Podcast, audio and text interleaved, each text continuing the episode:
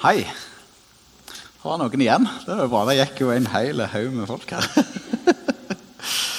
Jeg heter Kristian. Eh, og vi bor i Sauda, jeg og kona, og har tre gutter. Så er det enormt kjekt å være her. Kjekt å se dere. Noen av dere kjenner jeg igjen fra før, og noen ikke. Eh, og så er det Jeg har lyst til å si det bare sånn helt å med. Håper du er klar over hvor heldig du er som har dette. Du er svinheldig. Det er ikke mange i Norge som har sånt fellesskap som du har. Så det er, har jeg bare lyst til å oppmuntre dere til. At det er mer enn at det er noen folk som du bare ser i nakken. I Sauda bor det 5000 der som vi bor. Og vi har funnet nå tre familier som har unger som ønsker å følge Jesus. Eh, så dere er svinheldige, har jeg så lyst til å si. Og fortsett å sette pris på hverandre og bruke hverandre mer enn bare at dere vet at det er noen andre kristne. For du har blitt gitt dine brødre og søstre, andre kristne her på Klepp, for at de skulle hjelpe deg å følge Jesus. Er ikke det bra? Yes. Ok, I dag skal vi lese en tekst. og vi må bare si det da. Jeg er ikke sånn eh, Jeg skulle sikkert hatt en sånn time Eller ikke en time. en tale om denne teksten sånn, liksom sånn punkt for punkt. da. Men jeg, jeg, leser ikke Bibelen sånn at jeg klarer liksom å grave meg ned i to ord og fire setninger. Eh, for jeg zoomer alltid litt lenger ut. Men jeg skal lese teksten, og så er det noen ting som den teksten sier, som jeg liker, eller skal prøve å ta utgangspunkt i. Høres det greit ut? Ja?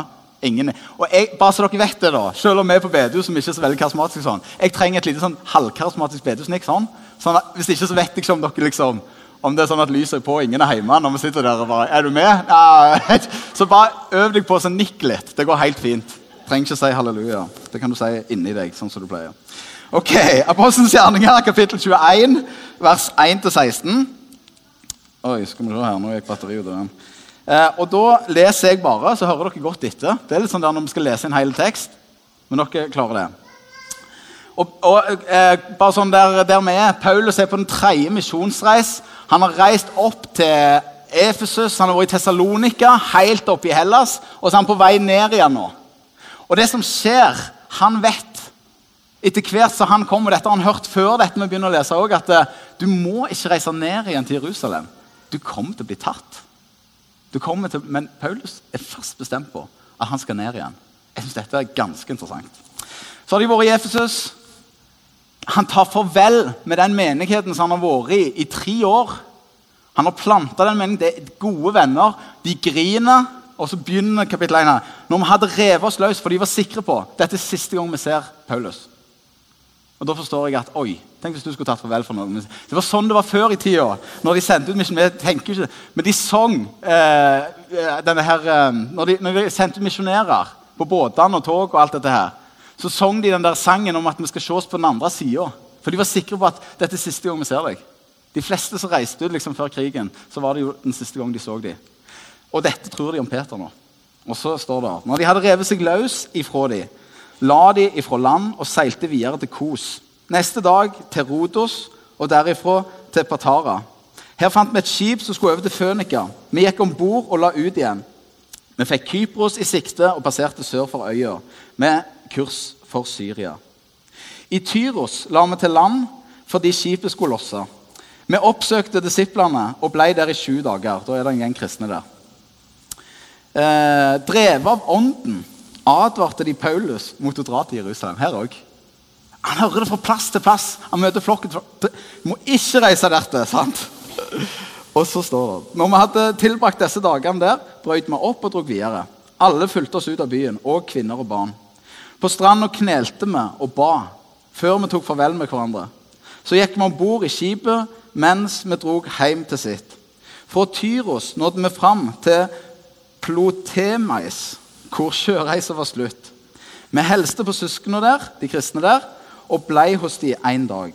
Neste dag drog vi derifra til Cesarea, hvor vi tok inn evangelisten Philip, en av de sju tidligere i Apostlenes gjerninger. Hos han ble vi buende. Han hadde fire ugifte døtre som hadde profetisk gave. Eh, når vi hadde vært der i flere dager, kom det en profet som het Agabos, ned fra Judea. Han oppsøkte oss og tok beltet til Paulus. Og med det bandt han hendene og føttene sine. så dere får dere dette. Han binder seg selv opp med beltet. Så sa han, dette sier Den hellige ånd.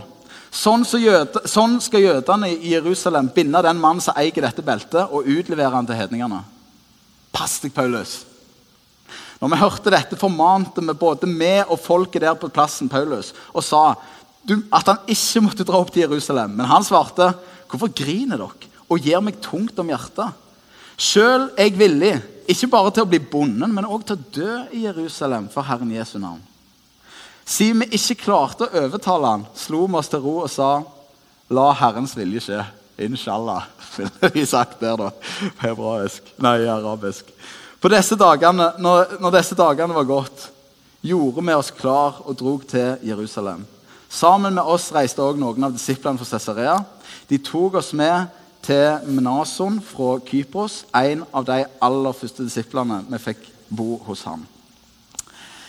Det er helt fascinerende. Jeg lar meg sånn fascinere over de første kristne. Jeg har så lyst til å si, Hvis du skal ha noen forbilder, noen som skal vise deg retning for hvordan et disippelliv ser ut, så har jeg lyst til å si bruk heller de første kristne enn liksom uh, våre oldeforeldre. Er du med? Ikke til forkleinelse for deg. Men bruk, bruk deg mer enn ørkenfedrene.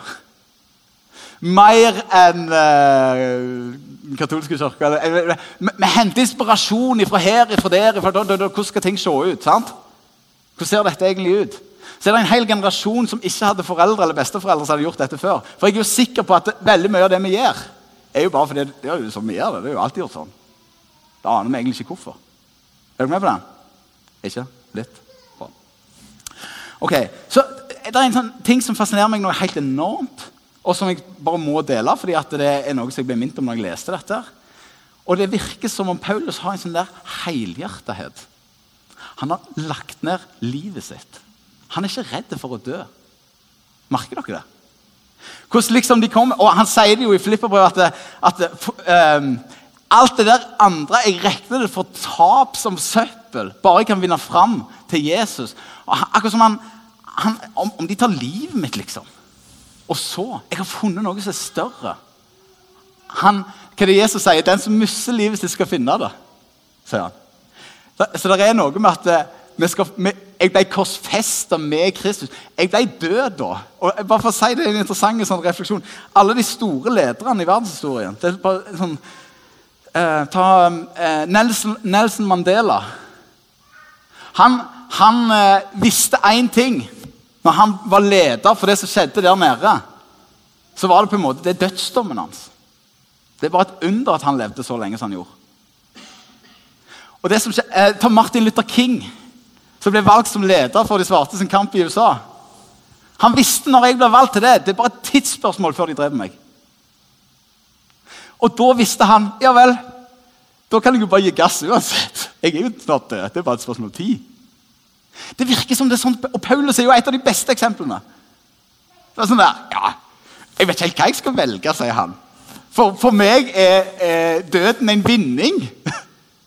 Han ser på det som en sånn stor ting. Bare fortelle eh, en kompis av meg. Det, for det er jo helt sprøtt, dette. Eh, han er eh, fra VA på Karmøyene. Kjempegreier. Og På VA så er det om å gjøre å ikke komme seg i militæret. Nå kan du nesten velge om du skal i militæret. Men når jeg var, gikk liksom på videregående, så var det sånn allmenn uh, verneplikt for uh, menn. I hvert fall. Og så var det litt om å gjøre. Og på, VA da, der var det sånn at det var om å gjøre å liksom slippe unna. Og ikke, ja, Så de kom med all slags unnskyldninger. Og så var det en av disse uh, i militæret da, som uh, hadde liksom fått med seg at det var noe spesielt. så tok han, Men han, han, kameraten min da, han hadde bestemt seg for nei, han skulle i militæret. Og så hadde de tatt han inn til samtale. For han hadde søkt uh, allikevel om å få slippe. Så hadde de tatt han inn til samtale, så hadde de liksom spurt han Ja liksom, eh, de, de, så, gikk de gjennom historie, historien, familien. Ja, Faren han hadde kreft, og bestefaren var død av kreft. og sånn og sånn, og Begynte de å spørre han om døden. Ja, liksom Om han var redd for å dø. Redd for å dø? Nei. Jeg kjenner Jesus, jeg! Jeg skal til himmelen, jeg! nå. Det er glede det å få lov til å dø. Det, jeg, liksom frykter ikke det, liksom. Stempla ut, vet du. Tulling. Du kan ikke være her, du. Jeg fikk ikke komme inn. Jeg har sendt hjem. Ja, sånn er det. Men det som jeg opplevde når jeg setter meg ned for å be over dette, og for, prøver å forberede meg til dette, det er at det er noe som, eh, det er noe som har sneket seg inn i tankene til noen av oss som er her. Som at det å overgi alt til Jesus er et drawback for oss. Fatter du? Det å gi seg helt over. Alt jeg har nå, er ditt. Jeg bare satt og forvalta det. Tida mi, pengene mine, alt tilhører deg. At det å våge å ta et skritt ut i at det er du som vet bedre enn meg uh, Akkurat som det er en dårlig idé. Det minte Gud meg om. Og så har jeg bare så lyst til å si det er det beste livet du kan ha. Det er ingen som vet bedre for deg enn Gud. Hører du? Han, det er han som har skapt deg. Han vet hvordan alt fungerer i deg. Han vet alt om deg. Ikke, ikke, ikke kjøp løgner om at det, er ris at det er mer risikofullt for eksempel, å stole på Gud enn å stole på penger. Er dere med? Jeg bare er så lyst til å oppmuntre oss til. For du opplever noe helt annet når du gjør det som Jesus sier. Søk mitt rike først, før de andre tinga. Ingen er tjent med sånn halvveisgreie. Hører du med på den? Jeg har bare så lyst til å liksom begynne med det, for jeg merker det så Ah, Paulus er så på. Han har jo ingenting å tape. Han har jo tapt alt for å vinne Jesus. Fatter dere? Så akkurat som Vi prøver liksom å finne litt sånn der, ja, men dette også er jo litt stas. Det er ikke stas. Og jeg har bare så lyst til å si alle de tingene som jeg strever etter. En dag kommer jo vi til å lære oss i hjel av at vi trodde det var stas. Det er ikke stas. Jeg har bare lyst til å si det nå. Når du husker den dagen når du møter Gud, der du forstår at det der var jo bare tull. alt det der brukte tid og penger på. Skal du huske meg? og skal du, Han sa ja, nei, det var jo sånn. Stemmer det? Husker ikke det, da? Ja. ja. Ok. Men den andre tingen, skal, og det er det jeg skal snakke om da, det er at det virker så tydelig i den teksten her. De er så leda på en måte. Alt de gjør, handler om hva Den hellige ånd sier og gjør. Legger du merke til det? Jeg skal snakke litt om Den hellige ånds ledelse. Høres det greit ut? Ikke? Du vet, Jeg er oppvokst på bedehuset.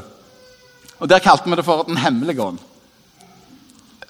Vi visste jo, altså sånn, Det var litt sånn der, noe som pinsevennene drev med. Eh, den hellige ånd. Men vi trenger å snakke skikkelig om dette. Og det skal jeg prøve å gjøre nå. Ok? Så eh, Helt sånn eh, Skal vi se Sånn.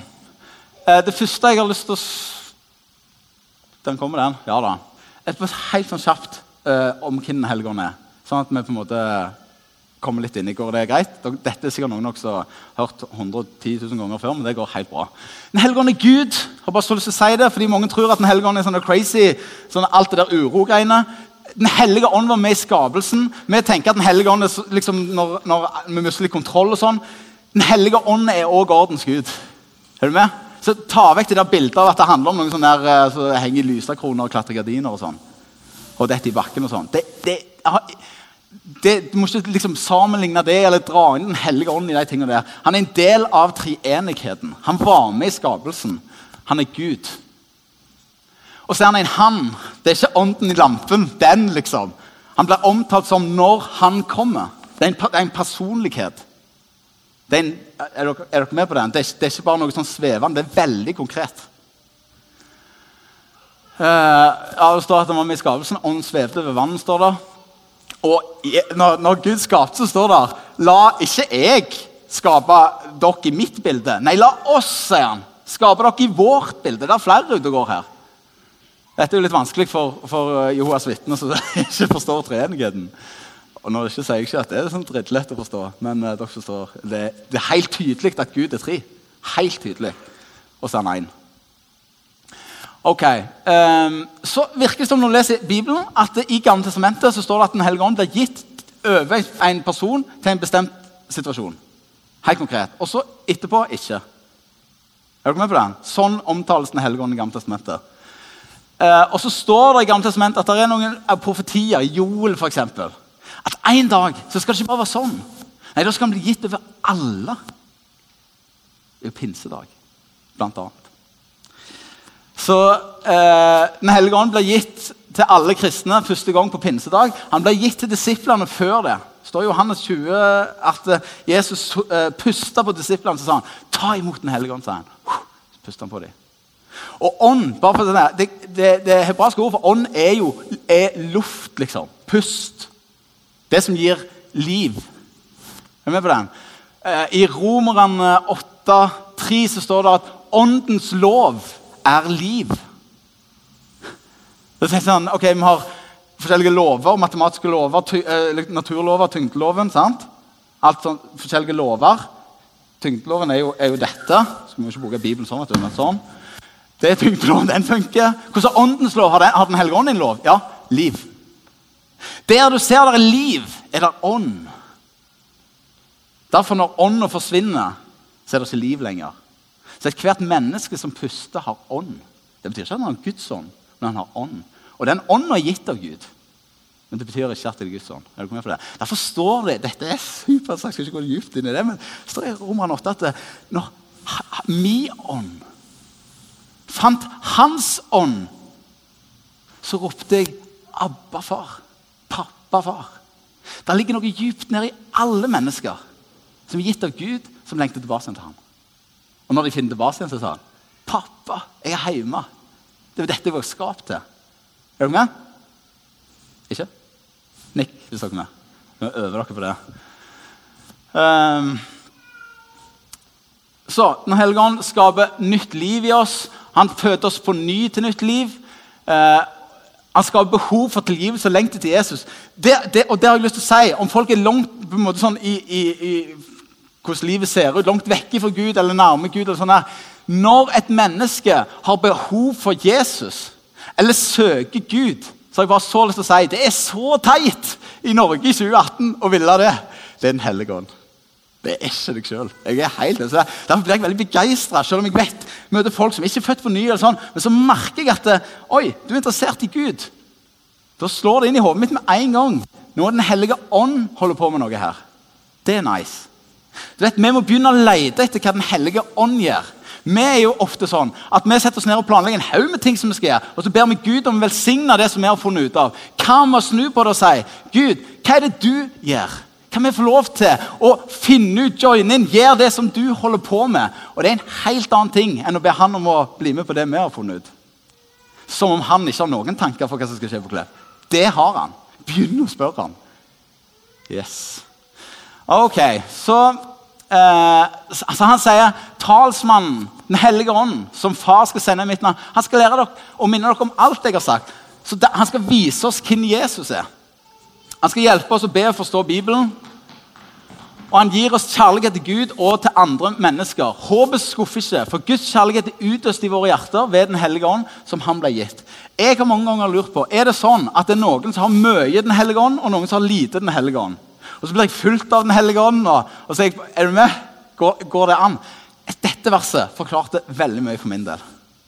Og Her står det at uh, Guds kjærlighet den er utøst i mitt hjerte ved Den hellige ånd, som Han har gitt meg og deg. Hvordan er Guds kjærlighet? Er, er, og denne ånd, er det liksom lite grann? Eller? Nei. Hele hans fylde. Alt har jeg fått. Jeg hørte om ei dame i Irland helt på begynnelsen av 1900-tallet, før de, når de begynte å installere strøm i Irland. Og hun, Det var veldig dyrt å installere strøm i husene. Men hun, denne dama, veldig gnien dame, men ganske rik, fikk installert strøm. Og så, sånn, så det var da, da, så var det ikke sånn at du målte opp en måler. Nei, det kom en mann fysisk og målte. så de. Så eh, Han eh, kom innom her, og så stusset han på fytti så lite strøm du bruker. Og litt sånn der, Hvorfor skulle du ha strøm? liksom? Du bruker det jo ikke. Så spurte han til slutt hvorfor bruker du så lite strøm. Så sier hun nei, så funker sånn som dette. Når det blir mørkt, så går jeg bort, trykker på bryteren så lyset går på, sånn at jeg kan se hvor fyrstikkene ligger, og jeg kan telle oljelampen. så skjøt hun av igjen. Halve mannen så har full power, vet du. Og så bare sånn Og sånn går det an å leve. For det har jeg lyst til å si. Hvis du har fått Den helligånd, så har du fått full power. Du har fått alt! Er du med på det? Men jeg kan jo stramme igjen. Hva mener jeg med dette? Den hellige ånd blir beskrevet som iallfall to ting i Bibelen. Jeg, eh, han blir beskrevet som luft. Han blir beskrevet som lys. Ok, Så hvis, eh, hvis jeg skal få mest mulig luft inn i dette rommet, her, hva, hva ville jeg gjort da? Hva burde jeg gjort da? Forslag? Anyone? Åpne vinduet. Ett forslag. Andre forslag. Mest mulig luft inn i rommet. Ingen forslag. Kom igjen! Hæ? Tømt rommet. Bare, vi tenker veldig fort sånn. Ja, vi må få inn noen vifter opp vinduet. sånn Og sånn og sånn. Og det, jeg forstår tanken, Men det er klart, luft funker jo på den måten at det fyller der det får plass. Så Hvis vi hadde tømt rommet, så hadde det kommet enda mer luft inn her. For det er sånn luft, Lys òg funker sånn. Så i stedet for at jeg liksom går rundt og, og hvordan, Vet du hva? Du har fått full power. Du kan bare gi det plass. Derfor har jeg så lyst til å si det å bli fulgt med Den hellige ånd og, jeg, og jeg tror veldig på å legge hendene på folk og be om at de skal bli fulgt med Den hellige ånd. Men den mest praktiske og beste måten å bli fulgt med Den hellige ånd på, det, det er Guds plass. Dette er for mange av oss som har liksom fotballtreninger og ditt og datt hver dag med unger og styr. Det er harde prioriteringer om at jeg og du begynner å skjære ut noen minutter, en halvtime til dagen som tilhører Gud. Jeg har så lyst til å si det. Vi dør hvis vi skjer disse tingene. Det er ingen som hjelper deg med dette i, sånn, i hverdagen. Liksom. Du får ingen oppmuntring på TV 2. Ta, sett av tid med Gud, liksom. Så skal jeg prøve å oppmuntre deg til det. da. Vær så snill. Du dør hvis ikke. Og det, det, det er så fattig å leve på det der spareblussgreiene. Så um, gir, gir dette litt mening for dere? Det er praktisk. Det handler om mandagen og onsdag og sånn. Du merker når, når, det skjer en endring i et menneskes liv, så sier vi ofte sånn Ja, du vet, det er ikke mine gjerninger, det er hans. Så ser vi jo, jo, men du gjør jo en del ting sjøl. Men det er så tydelig at det er noe som driver deg. Det er jo det som er poenget. Men av og til så har vi sånne forhold til at Gud skal gjøre det, jeg skal ikke gjøre det. Hva betyr det? At jeg ikke skal røre beina mine? Nei, nei, nei, nei. Men det er Gud som driver meg. For det å gjøre noe, folkens, for en som du elsker, er lett, står det. Og det kjenner vi jo til i livet vårt.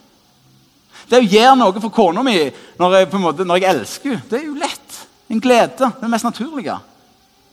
Men det å gjøre noe for et menneske som jeg ikke elsker uh, Jeg kan klare det en liten stund, men ikke lang tid. Derfor, derfor ønsker Gud at vi skal elske ham. Uh, så dette er et bilde som jeg har på Den hellige ånd. Den hellige ånd er lyskasteren. Poenget til Den hellige ånd er å synliggjøre Jesus. Hvorfor har ikke vi liksom møte om Den hellige ånd hver søndag? Det er bra dere ikke har det, men nå skal vi ha det i dag. da. For, for poenget er, Hvis vi plutselig hadde begynt å sette lyset på lyskasteren, så ville jo lyskasteren sagt alle mann, dette er jo feil. Er jeg, jeg, er jo til for å gi fokus til noen andre. Det er jo poenget mitt. Poenget er ikke at jeg skal ha fokus. Er dere med på den?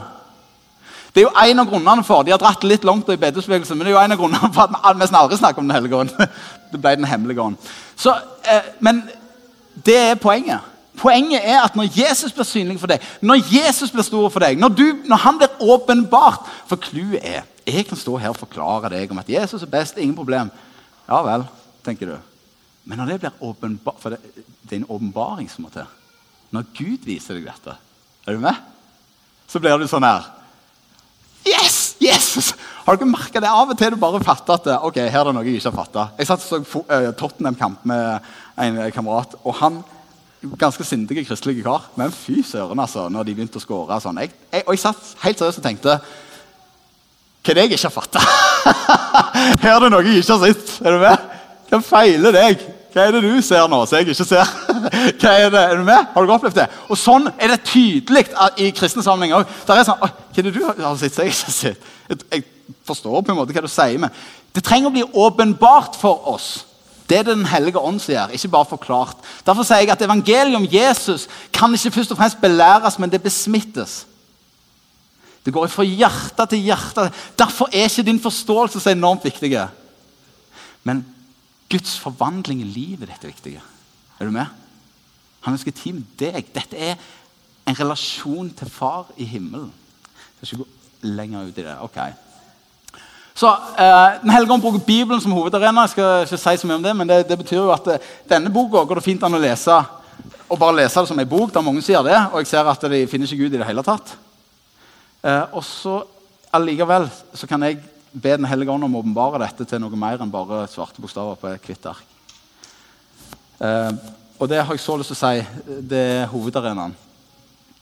Eh, nådegaver til å bygge oss opp, gir ånden, avslører synd i livet vårt. Det er en god ting. Det er det beste som fins når ting blir avslørt. Og det er så ubehagelig. Oi, har jeg gjort dette? Og David, Nathan kom til David. 'Du er mannen', sier han. Hvem syns det er stas? Tenk hvis jeg kunne avslørt noe i livet ditt nå. Du hadde sprunget ut. Aldri. Sant? Jeg bare så liksom, Vi må snu dette her. Når, av, når, når du blir avslørt, og det kan oppleves litt sånn sårbart og ubehagelig Det er Den hellige ånd gjør det. Hvorfor gjør han det? For at du skal oppleve det dårlig? Nope. Det er for at du skal ha muligheten til å få gjøre opp og få tilgivelse og gå videre. Sant? Få, få gjort opp omvendt deg for ting. Det var poenget. Så Det er alltid sånn når du åpner opp et sår. Det svir litt. Men du trenger å åpne det opp for å rense det. Er du med på den? Litt? Ja, bra. Da var det en som nikket her. Det er veldig bra. Da går jeg videre. Jeg kommer jo bare til å stå og spinne jeg, hvis det liksom ingen er med her. Um, og så virker han gjennom oss til helbredelser, under og mirakler. Og det er jo ikke sånn som vi ser liksom, i, i liksom, hver dag. sant? Ser det kanskje av og til, men sånn, vi er ikke så vant med å snakke om det eller praktisere. sånn og sånn og sånn. For så lyst til si, dette, dette ser ut til å være ganske mye mer en naturlig del av det disippellivet enn det vi er vant med. Og Da kan jo vi prøve å finne ja, men det er sikkert hvis vi bare forklarer det litt sånn, sånn Ellers kan det være vi ikke helt på plass. Men som regel så er det sånn jo, men vi må bare finne litt ut at det er sikkert ferdig med det. eller et eller annet sånt, I stedet for å si Gud, du har rett. Vi trenger å se noe her. Er du med på den? Litt sånn sjølerkjennelse på de tingene. Og det har jeg også lyst til å si. Av og til er redde for at vi ikke er på plass. Jeg håper jo ikke du er på plass. Jeg håper du har noen steg igjen. At du ikke er ferdig. Jeg sa det. Hvis du tror du er ferdig utlært, så er du ferdig. Du er ikke, du er ikke utlært. Ja. Vi er jo disipler, lærlinger. Jeg har masse igjen. Jeg har masse ting i livet mitt som ikke er på plass. Jeg har lyst til å lære det, få det vist. Yes. Jesus har alt på plass, da, så det er jo bra. ok, Så Den hellige ånd gir oss kaffen med Nå skal jeg. Eh, det står at vi skal be i ånden. Jeg bare tok med denne her teksten her. For av og til når vi skal fram for Gud, så er vi litt sånn der Uff, sorry at jeg er her. Unnskyld at jeg kommer. Sånn og sånn og sånn. Denne teksten her, så er det en som kommer og krever sin rett fra en mann som er ikke gudelig i det hele tatt. Men han sier til slutt ah, 'Jeg blir ikke kvitt det. Det er bare mas. Jeg får gi henne rett.' da. For å mase sånn. Sånn skal dere be, sier Jesus. Det er en lignelse for å vise oss hvordan vi skal be. Vi må dra av det der veldig sånn stakkarslige. Og så skal du få lov å være frimodige framfor Gud. Du skal få lov å be med frimodighet. Du skal få lov å mase på ham. Jesus sier at be sånn. Da kommer han til å gi, bare fordi at det blir kvitt maset ditt. Fantastisk. Okay. Så eh, dette har vi vært innom. Eh, og her står det at eh, om dere som vet Dere som er onde, vet å gi ungene deres gode gaver. Hvor mye mer skal ikke far gi Den hellige ånd til hver den som ber ham? Hvis dere til og med vet hvordan dere skal gi ungene deres gode ting. Gud lengter etter å gi oss dette. Han lengter etter det. Han er ikke en sånn skibas som sitter liksom og prøver å holde igjen. Og, nei, du skal ikke... Han lengter etter å oversumme oss med dette. Ehm, ja, jeg skal ikke gå Der kom den. Rydda plass. Så hvordan blir jeg leder av Den hellige ånd? da? Og Dette er litt av det som jeg har liksom, skikkelig sånn, lyst til å si noe om. da. Um, ja, jeg tror f.eks. Den hellige ånd. Det er jo Guds ånd, Jesu ånd. Det er samme greiene når det står disse tingene sant, i Bibelen. Og um, Hvis jeg skulle gjort noe i Knut Ares i ånd er du på den? Da hadde vi hatt sånn uh, USA-fest her med Chevy og svært belte og cowboyhatt. sant? Ja, Det er Knut Ares i ånd. Hvorfor det? Jo, for det er sånn han ville gjort det. Når jeg sier med, eh, Jesu ånd ja, Det er sånn Jesus ville gjort det. Prøv til. Det er hans vilje. Det er sånn som han tenker. Så Når jeg sier vi skal bli fulgt av hans ånd, så handler det om å bli fulgt av sånn som han vil. Sånn som han tenker, sånn som han gjør. Det som er hans greie. Er du med på den? Så Den vanligste måten de måtene Gud, Gud, Den hellige ånd snakker til oss. Jeg har allerede nevnt det gjennom sitt ord. Vi er så heldige som har dette. Og den skulle vi virkelig visst hva som sto i. Det hadde vært så mye lettere. for. Tenk da, Hvis at du på en måte er så usikker på hvordan bilen din funker, som du er på hvordan livet ditt ser ut, og så har du ingen å ringe deg med bilen Eller du har det òg, vet du. Du kan jo ringe til liksom eh, Svein Kvia og spørre hvordan funker den Opelen. Skropelen Nei, Opelen. og, og, og, du har gjerne en sånn manualbok. Du kan gå finne internett, du kan finne sidevis. Men vi vil jo aldri, liksom, hvis du da liksom ikke vet helt hvordan funker, så hadde vi jo aldri liksom bare Ja, ja, det går så sikkert til. Vi tar en dag om gangen. og Come on! Les planen, da. Instruksjonen, meningen, tenkningen. Hva er det Gud vil? Det er jo han som har skapt deg. Du er her pga. at han ville det. Du trenger ikke ha vært her. Du er her. Takk, Jesus. Ja. Så snakker han gjennom kroppen sin. Det er jo sånn vi snakker. Nå snakker jeg gjennom kroppen min til dere. Og så har jeg lyst til å avsløre én liten ting. Kroppsspråket mitt kommuniserer 80% av det jeg sier til dere nå. Er dere klar over det? Det kan vi godt vite når vi er sammen. For av og til så sitter vi litt sånn uh, Ingen er som du, ingen er som du, ingen i himmelen Det er sånn. Det kommuniserer jo ikke å, Jesus, du er det største jeg vet. liksom. Hvis jeg står her og sier å, dette er, dette er utrolig kjekt å være her. Å, så jeg koser meg. Jeg jubler inni meg nå. Oi, oi, oi, så kjekt. Så vil jo dere si det er bare tull. sant? For kroppsspråket mitt sier noe helt annet, og det er det dere fanger opp. Så både munnen min og kroppen min snakker til dere nå. Sånn gjør Jesus òg. Hvem er kroppen hans, da? Det er dere, sier han. Fellesskapet, kirka, kroppen min. Derfor har jeg så lyst til å si du skal åpne opp ørene litt mer for kirka. For andre kristne som du stoler på. For kroppen. For Jesus snakker veldig mye gjennom kroppen sin. Så En av de beste måtene jeg hører Gud, det er jo å speile livet mitt på andre som kjenner Gud. Er du med på den? Nikk hvis dere forstår hva jeg sier nå. Det, ja, flott. Det betyr jo at det, det, vi trenger å koble oss litt sånn tettere på hverandre. Er du med? Så du får del i hva kroppen sier. Og da er det ikke sånn. Da er det veldig lett å si ok, uh, Aslak er pastor. Jeg får høre på han. Han er sikkert kroppen. Ja, Han er en liten del av kroppen, men ikke bare hør på litt sånn Litlatå nå, uten sammenligning for øvrig. liksom, men, men, liksom, hør på litt mer av kroppen. Jeg blir litt sånn skeptisk når jeg hører det. Det er han eller hun. Å, de har det, liksom. Ah, kan godt være de har noe. Jeg har lite grann. Jeg har ikke fasiten. Er du med? Men av og til så idealiserer vi en eller annen sånn Han er sikkert super. Gud snakker gjennom hele kroppen. Og det er alle oss. Og vet du hva han sier? Den minst synlige er ofte den viktigste. Og det tror jeg også handler om å snakke Mange ganger når jeg hører folk som er, hun der eller han eller Nei, de liksom. Men av og til kan jeg snappe opp ting som bare ah, det, Jeg tror Gud sier noe i dette. Og så profetiske ord, tanker, fornemmelser. Så har jeg så lyst til å oppmuntre oss til. Dette er vi heller ikke vant med, iallfall jeg i sånne. Men vet du, Gud gir oss tanker og ord hele veien.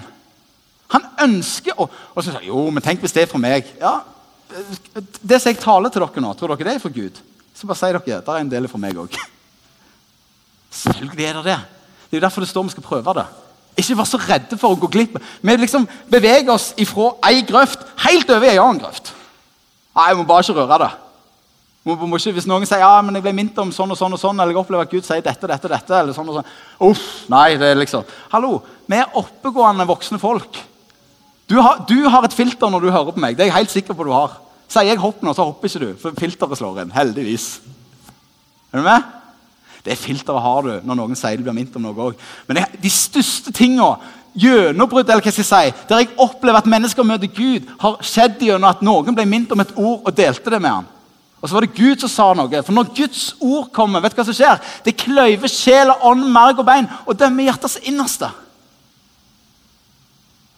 Såret må åpnes for at du skal få rensa det og legge helbredelse på, tilgivelse på. Ga det mening? Ja? Og så og gjør dette når dere er sammen. Jeg er sikker på at dere har mindre fellesskap enn dette. for da er det litt enklere. Gjør dette. Legg hendene på hverandre og be Gud om å vise deg. Får du gjerne en tanke, får du et bilde, så deler du det med den der eh, Det er sikkert meg eller ikke. Men vet du, hvis det er Gud, så forandrer du livet til noen, kanskje. Og ikke tenk at Gud ikke kan vise deg dette. Og jeg, vet du hva? Når, når, når, jeg opplever at jeg blir minnet om et ord det, den, Når den første tanken kommer ja, men dette er ikke for Gud Hvem er det som sier det? Har Gud virkelig sagt? Det er jeg sikker på, jeg skal i hvert fall dele det. Jeg skal i hvert fall dele det. Fienden skal ikke få stoppe meg i med tankene, for han er livredde. Fienden er livredde for at jeg og du skal begynne å tale Guds ord til folk. For det er så kraft i Guds ord. Så han vil gjøre alt han kan. Men alt han kan er jo å proppe deg med tanker. Men som regel så stopper det oss i å gjøre ting som vi blir minnet om. Jeg har så lyst til å begynne å oppmuntre deg til. Del det som du blir minnet om. Det er til større velsignelse enn du er klar over. Og jeg vet jo at andre veien, når du er mottakeren, hvor mye har det ikke betydd de gangene? Når noen har fått et ord og gitt det til deg? Okay, har dere opplevd det? Nikk hvis dere har opplevd det. Ingen? Dere har opplevd det, noen? Ja? Det betydde kjempemye. Tenk hvis den personen skulle latt seg styre av at nei, det er sikkert for deg, og det er bare tull. og bla, bla, bla, bla, bla. Takk Jesus for at han ikke gjorde det. Og vi må begynne å gjøre det mer. Begynne å dele Guds ord. Vet du hva det står? Det står i Apostelens gjerninger når, når, når liksom vekkelsen Det står 'Guds ord vokste'. står. Interessant uttrykk. Guds ord vokste. Flere delte Guds ord. Guds ord ble større. Og så den siste tingen. Den hellige ånd i oss. Hva mener jeg med det? Jesus sier til Nikodemus dette med Den hellige ånd funker sånn som dette at det, det er det er som eh, Ja, vi kan lese det. Jeg sier Den som ikke blir født på ny, kan ikke se Guds rike. Hvordan kan en gammel bli født? sier Nikodemus. Kan han komme inn i mors liv på ny for andre gang? Jesus svarte, sannelig, sannelig, sier deg, den som ikke blir født av vann og ånd, kan ikke komme inn i Guds rike. Det er som, det som er født av kjød, er kjød. Det som er født av ånd, er ånd. Undre deg ikke over at jeg sier til deg, dere må bli født på ny. Vinden blåser der han vil. Du hører han suser, men du vet ikke hvor han kommer fra. hvor han går hen. Sånn er det med den som er født av ånden. Er det sånn det er med den som er født av ånden? Det er som med vinden. Han gjør det han vil. Hæ? Ja, gjør det du vil. Men tenk sånn, uff, jeg skal... Jeg skal følge Jesus. Hvordan ser det ut? Å, jeg må nekte meg dette, jeg må nekte meg dette. jeg må nekte meg det. Og vet du, ja, Antageligvis er det en del ting som du skal si nei til. Men det han sier, er gjør det du vil. Hva mener jeg med det? At du skal bare følge ditt eget hjerte? Nei, hør meg rett nå. Vær så snill og hør meg rett. Når du, Hvis du er født på ny, når du ble født på ny, så fikk du en ny vilje inn i livet ditt. Den hellige ånd som gir beskjed når du synder. Det betyr, Som født på ny så syns du det er trøblete å synde. Du vil ha krig mot synd. Hvis du har fred med synd, så vil jeg ha stilt meg sjøl noen seriøse spørsmål. Men Den hellige ånd i oss gir deg antagelser om og vilje om. Det er en ny vilje som vil noe annet enn det som du vil automatisk, som bare handler om deg sjøl og deg og ditt. Er du med? Har dere opplevd denne krigen? Er det bare jeg som opplever krigen mellom det jeg vil, og det jeg egentlig vil? For vi sier sånn Ja, livet mitt ser ut sånn som dette, men ideelt sett, det jeg egentlig vil Har dere hørt det? Ja, for livet mitt er sånn så, Men egentlig, hvis jeg skulle på en måte bare sånn zoomet ut litt sånn som jeg egentlig skulle ønske livet mitt så ut. Begynn å ta tak i det! Du vet allerede! Du er blitt gitt det, for du har fått en ny vilje inni deg. Derfor har jeg så lyst til å si begynn å lytte til det du egentlig vil. Og I Roman 7 så, så, beskriver Paulus dette. Skal vi se, Jeg har gjerne det på, på, på, på Skal vi se. Skal han ta kvelden nå?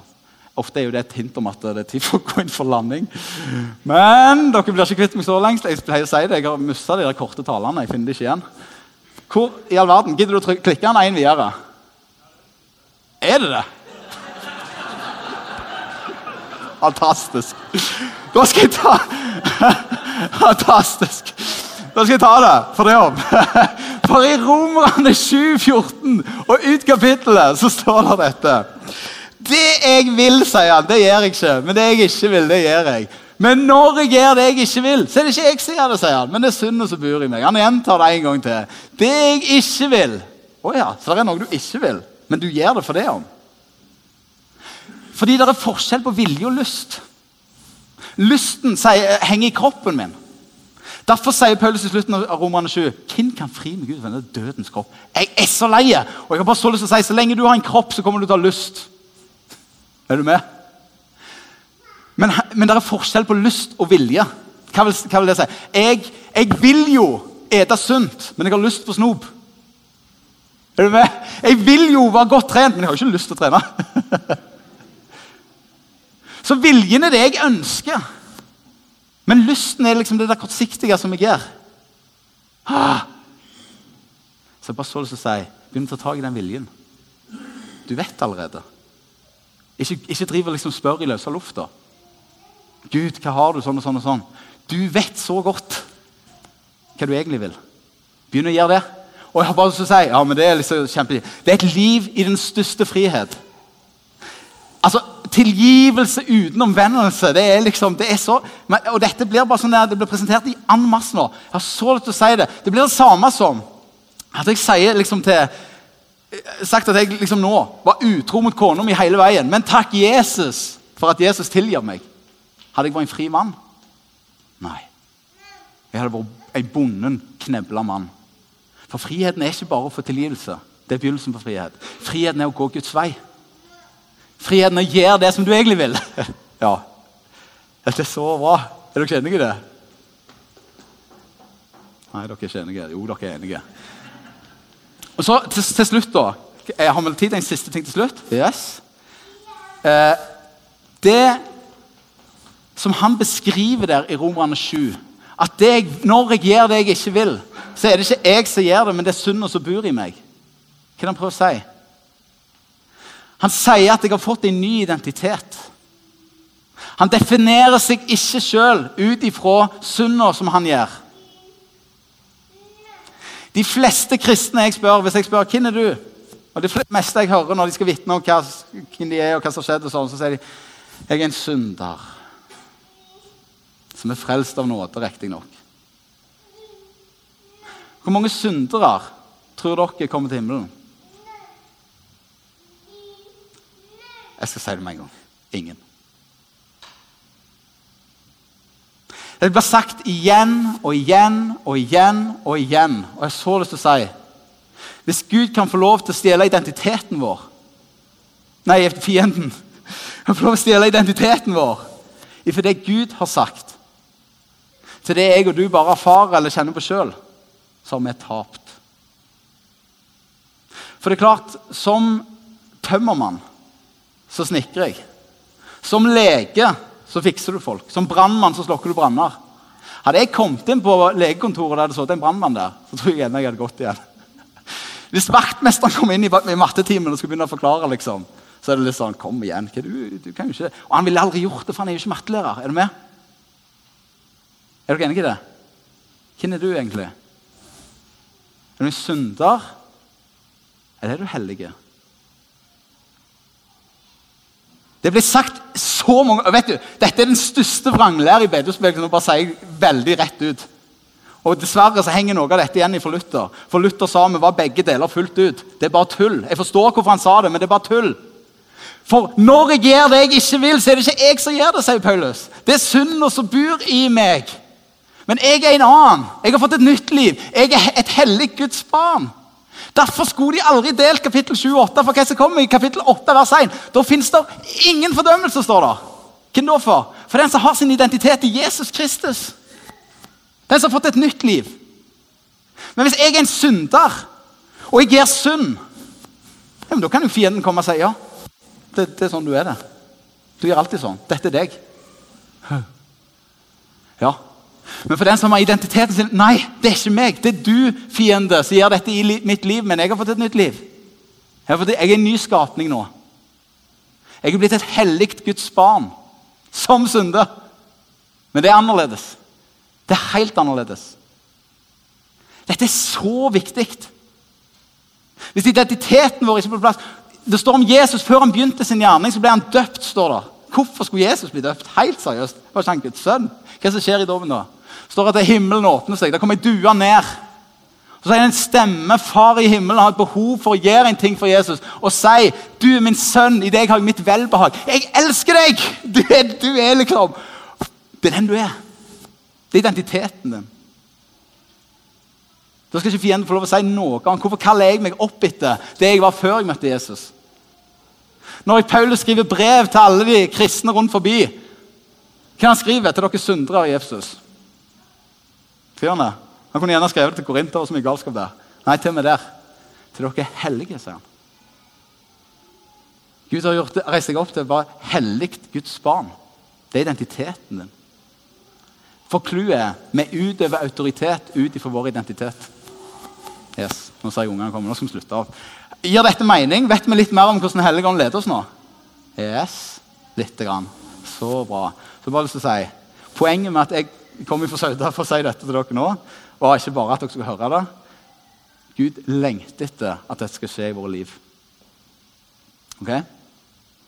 Så hvis det er problematisk å gjøre alene, vær så snill å koble noen andre på dette. Diskuter dette, samtale om dette. Dere skal sikkert snakke noe etterpå. Snakk om hvordan ser det ut, hvem kan hjelpe meg til å bli leder av Den hellige ånd. Hvem i kroppen skal jeg lytte til, osv. Er dere med på det? Ja dette det er dere. Så bra. Da ber vi til slutt. Jesus, vi takker deg for at når du døde på korset og ropte ut 'Nå er det gjort. Nå er det fullbrakt', så knuste du all ondskap og all synd. Og så har du reist oss opp til et nytt liv.